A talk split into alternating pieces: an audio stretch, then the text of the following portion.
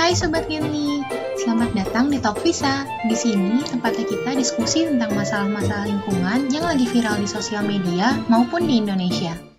Di Talk Visa hari ini, kita berenam dari Departemen Sosial Concern and Visa FKMUI bakalan nemenin kalian nih. Ada Novia, ada Adin, ada Alifa, ada Amanda, ada Kia, dan ada Kirana. Oke, langsung aja deh.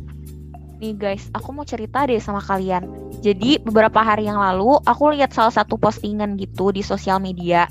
Jadi tuh di postingan itu tuh ada perempuan gitu pengemudi ojek online dan dia tuh cerita gitu loh di salah satu uh, aplikasi sosial media kalau dia tuh kecewa banget karena di daerah Jakarta ini restoran yang dia ambil ordernya itu udah nggak menyediakan kemasan pembungkus dengan alasan katanya sih pemerintah DKI Jakarta sudah melarang penggunaan kantong plastik.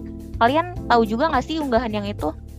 Wah, aku juga lihat sih postingannya. Menurutku sih ya, kenapa sih pemerintah harus melarang penggunaan kantong plastik? Kalau pada akhirnya tuh cuma nyulitin masyarakat kecil, contohnya kayak kasus pengemudi ojol ini.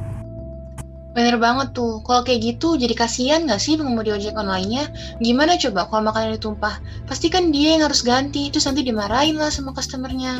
Pemerintah nih membuat kebijakan yang kurang rasional sih buat masyarakatnya. Ya nggak, Sobat Genly? Aku nggak setuju sih kalau cuma dipandang dari satu sisi aja. Tapi bentar deh, Nov. Sobat Genly siapa sih? Aduh, Kak Kirana, masa belum tahu sih, Kak? Jadi, Sobat Genly itu adalah kita yang ada di sini dan semua teman-teman kita yang sedang dengerin podcast ini. Karena kita semua adalah sobat generasi peduli lingkungan. Wah, keren banget Sobat Genly. Tapi tunggu deh, Kurangin kantong plastik yang jadi kebijakan pemerintah DKI Jakarta juga salah satu bentuk peduli lingkungan kan? Terus kenapa masa dia nggak setuju? Aduh, ya karena Go Green itu hanya memutilasi nilai-nilai kemanusiaan apalagi khususnya untuk rakyat kecil. Aku jadi ingat sama kata-kata salah satu aktivis lingkungan dari Brazil, yaitu Chico Mendes. Beliau bilang, environmentalism without class struggle is just gardening. Hah, bentar. Apaan sih, Din? Memutilasi nilai kemanusiaan yang kayak gimana? Coba, menurutku nih ya, perubahan itu emang nggak bisa dilakuin kalau misalkan mengandalkan pihak-pihak tertentu aja. Kalau kita emang pengen adanya perubahan, ya kita juga harus ikut terlibat dong di dalamnya. Tapi nih ya, tindakan go green yang nggak pakai kantong, sedotan, atau kemasan plastik itu bisa aja ngerepotin penjual kecil. Terus kalau ngomongin soal biaya, itu juga bisa bikin mahal. Kayak tadinya yang pakai kemasan plastik harganya murah, eh pasti ganti ke kemasan berbahan kertas jadi mahal. Terus bisa juga ngerepotin pengemudi ojol, kayak kasus yang tadi kamu ceritain itu. Benar banget tuh, emangnya aktivis lingkungan liberal kooperatis yang memperjuangkan tindakan go green itu juga mempertimbangkan nasib penjual kecil dan pengemudi ojek online. Ngapain berusaha menghargai lingkungan kalau nilai-nilai kemanusiaan aja dilanggar? Menurut aku, gak ada nilai go green yang memutilasi nilai kemanusiaan kok. Ini cuma masalah perspektif aja. Perubahan itu emang gak mudah dilakukan karena dampaknya nggak instan, tapi bakal kita rasain di masa depan. Bener banget Kia, aku juga nggak setuju sih kalau ada yang bilang Go Green itu memutilasi nilai kemanusiaan. Justru dengan dilakukannya Go Green, hal tersebut dapat meningkatkan kesejahteraan manusia di muka bumi ini untuk masa depan. Nah, selain itu juga, untuk kasus perempuan pengemudi ojek online tadi, menurut aku itu cuma kesalahan sepihak dari restorannya sih, karena mereka nggak menyediakan pilihan lain selain pilihan kemasan plastik. Bener banget nih, aku setuju banget sama kata-katanya Kak Kirana.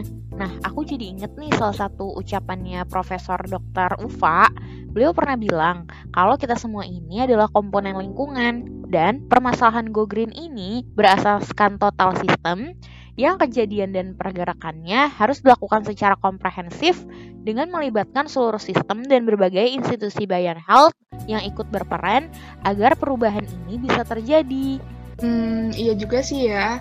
Kayak dari permasalahan ini sama obrolan yang kita alamin ini nih, aku jadi kayak punya pemikiran baru. Kalau permasalahan itu emang kurang bijak kalau cuma dilihat dari satu pihak aja ya nggak sih? Benar banget, Din. Dan regulasi mengenai pelarangan kantong plastik ini, menurut aku merupakan salah satu langkah bagus sih buat Indonesia maju yang lebih ramah lingkungan. Peraturan pelarangan kantong plastik ini termuat di Peraturan Gubernur DKI Jakarta nomor 142 tahun 2019 yang melarang penggunaan kantong plastik sekali pakai itu hanya menyasar pusat perbelanjaan, toko swalayan, serta pasar rakyat dan tidak mencakup kantong plastik yang digunakan untuk belanja barang dan makanan lewat aplikasi daring loh.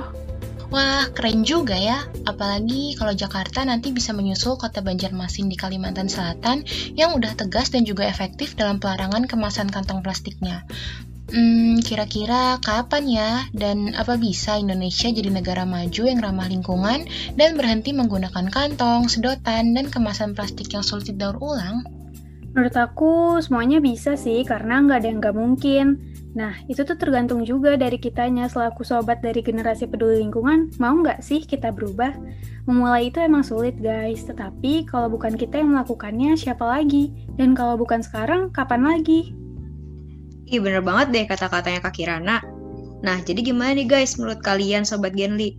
Kalian tim pro dengan tindakan Go Green ini, atau justru kurang mendukung tindakan ini? Komen di bawah ya alasannya. Oke Sobat Genli, kita udah sampai nih di ujung diskusi untuk Talk Visa hari ini. Jangan lupa komen ya pendapat kalian soal isu hari ini. See you next time. Salam generasi peduli lingkungan.